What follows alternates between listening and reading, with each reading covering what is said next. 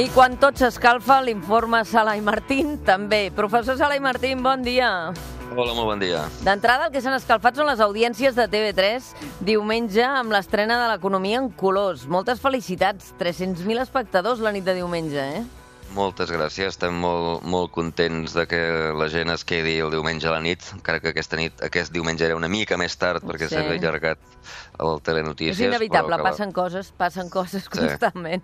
la, però que la gent es quedi a la nit del diumenge a veure l'economia en colors és un, és un gran honor i estem molt contents. Els qui no l'hàgiu vist, els que ens esteu sentint, el primer episodi era sobre si Leo Messi cobra massa o massa poc. No us farem un spoiler. Aneu fins al final i recupereu-lo al portal de TV3 eh, perquè realment val la pena. Per tant, eh, va ser un bon tema d'arrencada, eh, després dels de, sacseig del mercat de fitxatges d'estiu, que ha quedat amb, Sí. amb poca cosa i una lesió, de moment. Ja veurem què passa, no?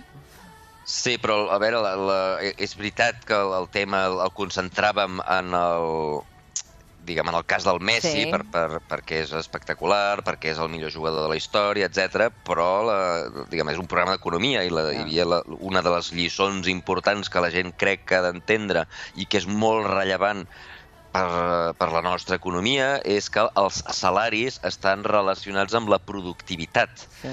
i, i és a dir, la, la, el, que, el que els treballadors són capaços de produir i si volem augmentar els salaris del país hem de, entre tots, ser més productius Mm. i això vol dir invertir en les coses que fan que els treballadors siguin productius, com per exemple en l'educació, com per exemple en, el, um, en, en, diguem, in- inversions en infraestructures, no? Mm. Eh, és a dir, tot el que pugui fer que la gent sigui més productiva, al final acaba reflectint eh, millores de productivitat i, el, i el, la lliçó del programa era això.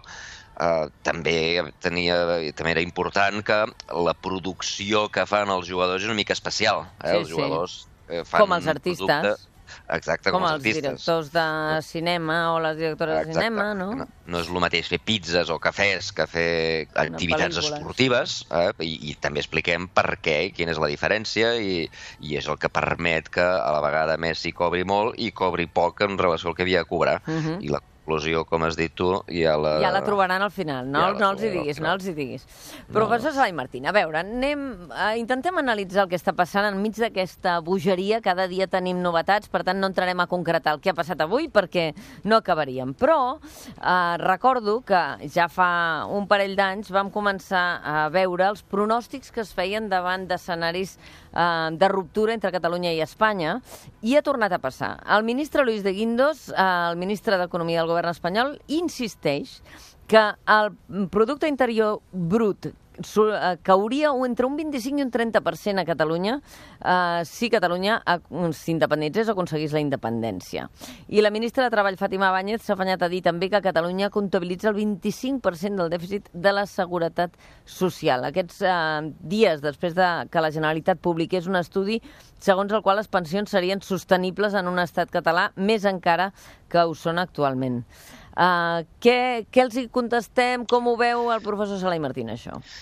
A veure, anem per parts. Comencem pel Guindos i la caiguda del Sí. 30%. D'entrada, deixa'm recordar que aquest senyor molt pitonisso no és, eh? això de fer prediccions no és lo seu, perquè recordeu que aquest era el senyor que ens va dir que el rescat bancari era, no era un rescat, sinó que era un préstamo en condicions favorables Sí. i que tots els diners que es gastaven en rescatar la banca es recuperarien tots. I ara ell mateix, uns anys més tard, ja ens ha dit que 40.000 milions, no, no 4 milions, no, 40.000 milions dels diners rescat, del rescat s'han perdut i la Unió Europea li ha picat la cresta dient que exagera, que no són 40.000 milions, que segurament és més de 50.000 milions. Eh? Per tant, un senyor que fa prediccions sobre una cosa que controla ell, eh? que és el rescat bancari, que el va fer ell, eh, i que ens diu que no ens preocupem perquè no ens costarà ni un duro, i ens acaba costant, segons la Unió Europea, prop de 50.000 milions, ja es veu que és un senyor que mm, d'economia no en sap massa, o si en sap, diguem, utilitza el seu poder de ministre per mentir descaradament, perquè tothom sabia en aquell moment que el rescat ens acabaria costant calés i tothom separa que l'economia catalana no caurà un 30%. Entre altres coses, perquè si mirem comparacions internacionals recents, com per exemple Ucraïna, Ucraïna va viure una guerra eh, fa dos anys, oi que sí? Mm. Uh, una guerra, una guerra. El PIB d'Ucraïna va caure un 15% al mig d'una guerra. Aleshores, eh, diguem, per quins set sous ha de caure l'economia catalana un 30%? Com pot ser que caigui l'economia catalana? És que Perquè sortiria diu, no, de la Unió la... Europea. Bueno, les empreses sortiran despavorides i deixarem... sortiran de la Unió Europea i què passarà? Què passa? Que les, les, les economies de fora de la Unió Europea eh, eh, estan arruïnades, que no sap que hi ha un país que es diu Suïssa, que és més ric que tots els països de la Unió Europea, que no sap que hi ha un país diu, que es diu Noruega, que és més ric que tots els de la Unió Europea i no estan a la Unió Europea. Què passa? Que es pensen que fora de la Unió Europea, eh, diguem, tothom és pobre. Eh? Això no és veritat. I també diuen que tosta tothom, l'activitat econòmica marxarà, tothom marxarà desfavorit perquè els, els, els, els independentistes arruïnaran tot. Bueno, jo no veig cap empresa marxant. Al contrari, mirem les inversions estrangeres a Catalunya més altes que mai, i, i això que les empreses saben que és possible que hi hagi un referèndum i que és possible que surti el sí i que és possible que es declari la independència el dia 2 o el dia 3 i això no els hi fa por com per marxar despavorides. Per tant, eh, diguem, Catalunya té una base sòlida, tenim les empreses més innovadores, més exportadores. Catalunya hauria d'exportar, en proporció a la població, un 16% de les exportacions espanyoles i exporta més del 25%. Mm. Eh, el port de Barcelona fa rècords de, de, de, de trànsit eh, diguem, per, per, per importacions i exportacions. Eh, no, no quadra, no quadra per enlloc. Eh? Aquesta visió catastrofista de que l'economia caurà en picat no es veu per enlloc. Cada dada que surt eh, ens diu exactament el contrari. I insisteixo, diguem, en el pitjor de les catàstrofes, que no és un referèndum sinó una guerra, l'economia d'Ucraïna va caure un 15%. Mm. I, per cert, l'any següent es va recuperar un 6%. Mm -hmm. És a dir, Uh, és a dir, que a, a l'hora d'explicar de, de, de, de, contes de monstres, diguem, uh, uh, diguem que els expliqui als nens petits, eh? en els mm. adults això ja no ens fa por, perquè no té cap base. Eh? I a mi m'agradaria, si ell realment té un model que diu que passarà això, que els expliqui quin és, que no surti a la premsa i faci, uh, diguem, que ens expliqui contes de bruixes. Que, que, per què passarà? Eh? Com pot ser, si les empreses segueixen produint, eh, si seguim exportant, etc, per què ha de caure el 25%? És a dir, quina teoria és aquesta? Uh mhm. -huh. No s'aguanta per enlloc. I, per tant, un senyor que ja sabem que menteix, com va mentir amb el tema dels bancs, o que, diguem, o, o, o que ho ignora, no? que no té ni idea, no, no, no, no, sabia, no sabia veure que els bancs acabarien no tornant als calés, clar, un senyor que no sap això, eh, em sembla que no ha de fer prediccions sobre coses en les que no entén. Uh, anem a l'altra qüestió. Això uh, és el que comentàvem sobre la caiguda del PIB, però després ha tornat a sortir la qüestió de les pensions. Vull compartir amb els oients que ja és la segona vegada que parlem d'això amb Xavier Sala i Martín, uh, i n'està avorrit Eh? N'està avorrit sí. fins al capdamunt d'aquesta qüestió. Per què? Doncs perquè ell ha insistit una i mil vegades que les pensions depenen del treball a cada moment que es produeix per part de les persones vives que sustenten eh, el, el, les pensions de les persones a la, que, que ho necessiten, no? I que no està calculat sobre, sobre el que tenim ara, sinó el que tindrem en el moment de pagar-les. Però les pensions d'una Catalunya independent eh, estarien millor garantides eh, que, que no pas ara, tal com està la bossa? La resposta és sí. La resposta és sí. I eh, torno a explicar com funciona el sistema de pensions. El mm. sistema de pensions no funciona, no funciona de la següent manera es agafa a les cotitzacions d'un treballador, es posa els diners en un compte del Banc Sabadell en el seu nom, eh, eh, es fa treballar els diners durant eh, 30 anys o 40 anys eh, i quan es jubila se li tornen els diners que va cotitzar amb interessos. Això no és com funciona. Eh? Eh, com funciona la Seguretat Social? Doncs bé, s'agafen les cotitzacions d'aquest treballador i de tots els treballadors que hi ha ara, vale? i no es posen al banc, sinó que s'agafen, es divideixen entre tots els jubilats i, i es reparteix. Per això es diu sistema de repartiment eh? no un sistema de capitalització en el que es posa un capital en el banc. Es diu sistema de repartiment. S'agafen els diners dels joves i automàticament el mateix dia es donen en els, eh, en els jubilats. Eh? Uh -huh. eh, això vol dir que el que poden cobrar els jubilats eh, el que puguin concebiblement cobrar els jubilats depèn de la quantitat de joves que hi ha treballant, mm. és a dir, de la quantitat de joves i de la fracció d'aquests joves que treballen, eh? també depèn dels salaris que cobren aquests joves, mm. i això determina tots els calés que hi ha a la Seguretat Social, i, i també depèn del número d'avis. És a dir, perquè aquests diners que hi han es divideixen entre el número mm -hmm. d'avis. Està clar? Aleshores, tot Occident, tot Occident, no Catalunya i Espanya, no, tot Occident, començant pels Estats Units i seguint per Alemanya, eh, tenen un problema amb aquest sistema i és la demografia. Clar, per l'envelliment de la població, no? Per, Perquè hi ha més part, població en, envellida, no? En part perquè hi, hi ha, diguem, l'esperança de vida puja. Mm. Quan es van dissenyar els sistemes de seguretat social, el primer va ser el 1889 a Alemanya, eh, després als Estats Units als anys 20, a Espanya també als anys 20, la població, l'esperança de vida de la població era de 65 anys. Mm. És a dir, s'esperava que viurien un o dos o tres anys de jubilats i es moririen. Però ara l'esperança de vida a molts països, per les dones més que pels homes, arriba als 80 anys. Les dones més. Eh? És a dir, que hi ha molts més anys que la gent està cobrant, però és que és més. Després de la Guerra Mundial, el que va passar a tot arreu, i a Catalunya i a Espanya també, és que la gent va tenir molts fills allò que es coneix amb el, la, la, la, el baby boom. Uh mhm. -huh. eh? que jo sóc membre de la generació del baby boom, eh? la, la generació dels anys 60, som gent que, eh, diguem, era moltíssima gent. Els mm. nostres pares tenien quatre fills, eh, eh, cinc fills, oi que sí? Sí, sí. Eh, el problema és que després nosaltres no hem tingut quatre o cinc fills. Hem tingut un o dos o tres, Exacte, màxim. 1,2. 1,2. Llavors, després de la meva generació, ve una altra generació que és molt petita. I llavors pobres hauran de mantenir tot el que tenen per damunt. Exactament. I això és un problema que passarà. No, no és un problema d'ara. Els, els avis d'ara no tenen un problema. Però jo, quan jo em jubili, com que els que venen després són molt pocs, i ja t'he dit que per cobrar la seguretat, la seguretat social necessitem que hi hagi molts joves que cobrin molts salaris i que tinguin una taxa d'ocupació molt elevada, oi que sí?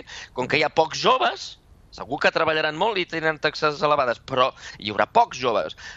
Per tant, les meves pensions i les de totes les persones occidentals de la meva edat, d'aquí 10-15 anys, tindrem un problema per ah. cobrar-les. I per eh? això es demana a la gent i se li diu a la gent escolteu, feu-vos fons de pensions. Per què? Doncs perquè eh, s'anticipa el problema que hi haurà, que és aquesta Exacte. fórmula inicial que deies de gent que posa diners eh, perquè algun dia els podrà recuperar per cobrar una pensió, que no té res a veure amb el sistema de repartiment de la Seguretat Social. Exactament. Però això és una cosa separada. Diguem que la gent s'estalviï si vol, etc etc. Eh? Jo no, no et dic el que la gent ha de fer, però dic que hi haurà un problema de comptabilitat si els números segueixen com ara. Mm. Aleshores, Uh, segurament s'hauran d'ajustar coses. Segurament s'haurà de o, o bé fer que els joves cotitzin més, ah. o bé baixar les pensions del futur, o bé que la gent treballi més anys. Uh, s'haurà d'ajustar un sistema. Jo crec que el sistema no es morirà i no es tornarà un sistema de capitalització. No crec que passi això. Uh, però sí que hi haurà ajustaments, perquè la, la demografia és la que és. Mm -hmm. diguem Si no hi ha joves, no hi haurà cotitzacions, punt i final. Um, I, per tant, s'hauran de fer reformes però això no és un tema ni català, ni espanyol, ni res de res. Uh mhm. -huh. no, no és que no sigui ni català ni espanyol, és català i és espanyol i és de tots, diguem, és un problema que té tots els països d'Occident. Um, aleshores, per, la, per, per contestar a la pregunta una Catalunya independent tindria més garantides les pensions o menys. -huh. garantides les pensions, doncs bé, el que hem de mirar és una Catalunya independent, és a dir, a Catalunya hi ha més joves o menys joves que a Espanya. Uh -huh. Els joves treballen més, la taxa d'ocupació és la més alta... La taxa d'ocupació és una mica més alta i els sous són una mica més elevats. Ah, exactament. Això és I aleshores, quan tu mires això, veus que eh, per una banda, a Catalunya la taxa d'ocupació, eh, és la percentatge de la població jove que treballa, és del 71%. Mm. Espanya és del 63%. Mm. Per tant, els joves catalans treballen amb una proporció més elevada. 42% de la població catalana està afiliada a la Seguretat Social, a Espanya només el 37%. Mm -hmm. És més, el 73% dels salaris catalans són indefinits, és a dir, salaris no precaris. A Espanya és només el 63% i, com acabes de dir, els salaris catalans són més alts. Per tant, els joves catalans treballen més, tenen feines me menys precàries i els salaris són molt més elevats. Mm. Per tant, la quantitat de diners que generen els joves catalans és més alta que la quantitat de diners que generen els, els joves espanyols. Mm. Ara mateix, aquests diners que generen els joves catalans es reparteix entre tots els jubilats espanyols, mm -hmm. oi que sí? Sí, sí. Però si Catalunya fos independent, aquests diners extras que generen els catalans només es repartirien entre els avis catalans. I, per tant, les pensions dels avis catalans estarien més garantides uh -huh. I no menys garantides. Eh? Insisteixo, perquè hi ha més joves i mm, la, diguem, més joves treballant i els salaris són molt més elevats que els espanyols. Um, diguem, a la ministra i, els, eh, i tota la gent que està dient que, la, que, la, que la, les pensions serien una catàstrofe, que en aquests moments ja no estem vivint informacions, estem vivint propaganda pura eh, perquè volen fer por als avis i saben mm. que els avis són una baula molt dèbil, eh, la gent, els avis tenen molta sí. por i volen, no volen que canviïn les coses, eh, fan una trampa i diuen, eh, mira, és que avui dia la Seguretat Social catalana té dèficit. Sí. És a dir, el que paguen els joves catalans no és suficient per pagar les pensions dels avis catalans. Eh? I és que, clar, venim d'una crisi i en els darrers eh, temps, doncs, els, eh, el salari, diguem, hi ha, hi ha hagut menys gent que treballava perquè, perquè hi havia atur, mm. oi que sí? Um, I és veritat que uh, per persona el saldo de la Seguretat Social catalana eh, falten 177 euros per persona. Mm. I llavors ells diuen no, és que no és sostenible, la Seguretat Social catalana no és sostenible perquè el dèficit és de 177 euros per persona. Que són eh? aquests 4.700 milions d'euros que deia Fàtima Báñez en el conjunt, no? Sí, però, però és que llavors s'oblida de i quin és el dèficit d'Espanya perquè eh, si Catalunya té un dèficit de 177 euros per persona, eh, agafeu el número, 177, Espanya té un dèficit de 430 euros per persona. Mm. És dir, no poden dir que Catalunya no seria sostenible perquè té un dèficit, perquè llavors Espanya encara és menys sostenible. És a dir, si el problema és el dèficit de la seguretat social, el pitjor que podem fer és quedar-nos a Espanya, perquè el hmm. dèficit allà és molt més gran. I, per tant, les pensions a Espanya encara estan menys garantides, eh? perquè no generen, diguem, falten 430 euros per persona per generar, per poder pagar les pensions. I Clar. és per això, això no m'ho invento i tothom sap que és veritat, eh? Per què tothom sap que és veritat? Doncs perquè eh, fa anys ja preveient preveient allò que deia abans de que el baby boom i de que no hi hauria joves, etc etc, eh? el govern espanyol, o la Seguretat Social espanyola, va començar mm una caixa, va començar uns estalvis per quan vingués aquell moment. Sí. I van començar a estalviar 10.000 milions, 30.000 milions, sí. 50.000 milions, 60.000 milions. Sí. Eh? Van arribar, em sembla, que 70.000 milions. 70.000 eh? milions, sí. I, com que Espanya ha tingut un dèficit, se l'han. El que ha anat fent és anat polint aquests estalvis. S'ha anat mm. polint, polint, polint, polint. I això ha sortit a les notícies. Ara cogemos 5.000 milions por aquí, ara cogemos 5.000 milions por allà, i ja no queda res. Mm -hmm. Ja no queda res. Per tant, que el fet de que Espanya Espanya, tal com està ara, mm, les pensions no són sostenibles, ho demostren ells mateixos quan s'estan polint aquells estalvis que havien generat. Una última qüestió. Segons diu la consellera de Treball Dolors Bassa, eh, si hi hagués una república catalana es podrien revalorar les pensions per sobre del 0,25, que, que és el que fixa el govern espanyol. Això convindria o en una situació com la que ara estava descrivint el professor Salai Martín a nivell global, eh, a nivell d'Occident eh, i de com la piràmide demogràfica condiciona la possibilitat de cobrar aquestes pensions, convé revaloritzar les pensions o convé realment, eh, des del punt de vista d'un nou estat, eh, preveure que, que, que puguin pintar bastos no? de cara al futur? És a dir, el, diguem, el, el fet de que sabem que en el futur la Seguretat Social tindrà un problema, eh, ens pot portar a nosaltres fer una caixa. O sigui, no? Mhm. O sigui, Això, això, ja sí. començar a estalviar eh, aquests diners extras que tindrem, els podem utilitzar per, per augmentar les pensions dels avis ara o ho podem estalviar per donar les pensions dels avis del futur quan em jubili jo. Uh, a veure, el que, el que es convindria fer, jo no ho sé. Uh, el que jo et dic, el que jo penso és que, a veure, això de la, la Seguretat Social ho votarem, Mm. com tot l'altre. No? O sigui, la- la- l'avantatge de tenir un eh, país eh, propi és que podem prendre les nostres decisions i aleshores el que farem serà votar i si els avis decideixen, tenen, els avis tenen suficient poder com per fer que s'augmenti les pensions, s'augmentaran, i si no, no s'augmentaran, entens? Um, la, la bellesa de tenir un país independent és que de sobte tu pots prendre les decisions que t'interessen. No ve després al Tribunal Constitucional i diu no, això que has decidit sobre l'energia dels avis, eh, eh, la pobresa energètica no pot ser, això que has decidit tu dels toros no pot ser, això que has decidit tu dels refugiats no pot ser. Eh? Decidirem nosaltres. Uh, I aleshores, si els catalans decidim pujar les pensions als avis, podrem fer-ho. Jo el que estic dient és que hi haurà recursos suficients per fer-ho. Si ho voldrem fer o no ho voldrem fer, això ja dependrà dels polítics. El que jo dic ara és ningú s'ha de preocupar perquè les pensions no es paguin. Els diners hi seran perquè hi haurà joves que treballaran, hi haurà joves que cotitzaran, hi haurà empreses que pagaran els salaris a aquests joves que cotitzaran, i és més, hi haurà més que no pas ara. Per què? Doncs perquè les nostres taxes d'ocupació i els nostres salaris són superiors als espanyols. I tots els diners que generen els catalans, si som independents, només es repartiran entre els avis catalans i no entre els avis espanyols. Per tant, hi haurà més recursos que no pas ara. Professor Com Sala i voldrem Martín. utilitzar aquests recursos, això, Això ja ja- dependrà dels votants. En qualsevol cas, eh, se n'adona, professor Sala i Martín, que d'aquí 15 dies, quan tornem a fer l'informe, ja haurà passat l'1 d'octubre? Sí, ja serem Ah. independents. Home, no se sap. No? La qüestió és... Sí. La qüestió és... Si guanya el sí, si guanya el sí, han dit que declararan la dependència. A veure, jo dir, estic dia segur que u, votarem. dos, I estic segur tres- que guanyarà el sí. 4, 5. El dia 5 d'octubre ens Sí. tornarem a retrobar amb el professor Sala i Martín. Veurem on som. Serà molt interessant aquesta conversa. Uh, que vagi molt bé, professor Sala i Martín. Moltes gràcies. Molt Vindrà a bé. votar, si pot, suposo, no? Sí, sí, sí, tant. El deixaran Que sigui un- unes hores. Anar unes hores. de Colòmbia a Catalunya per l'1 d'octubre. Vindré, vindré el dissabte, votaré i tornaré a marxar. Perquè el dilluns haig d'estar a Nova York com sempre. O sigui, a votar vindré. Ens farà la crònica des d'allà a veure què en diuen. Que vagi molt bé. Vinga, fins ara. Adéu.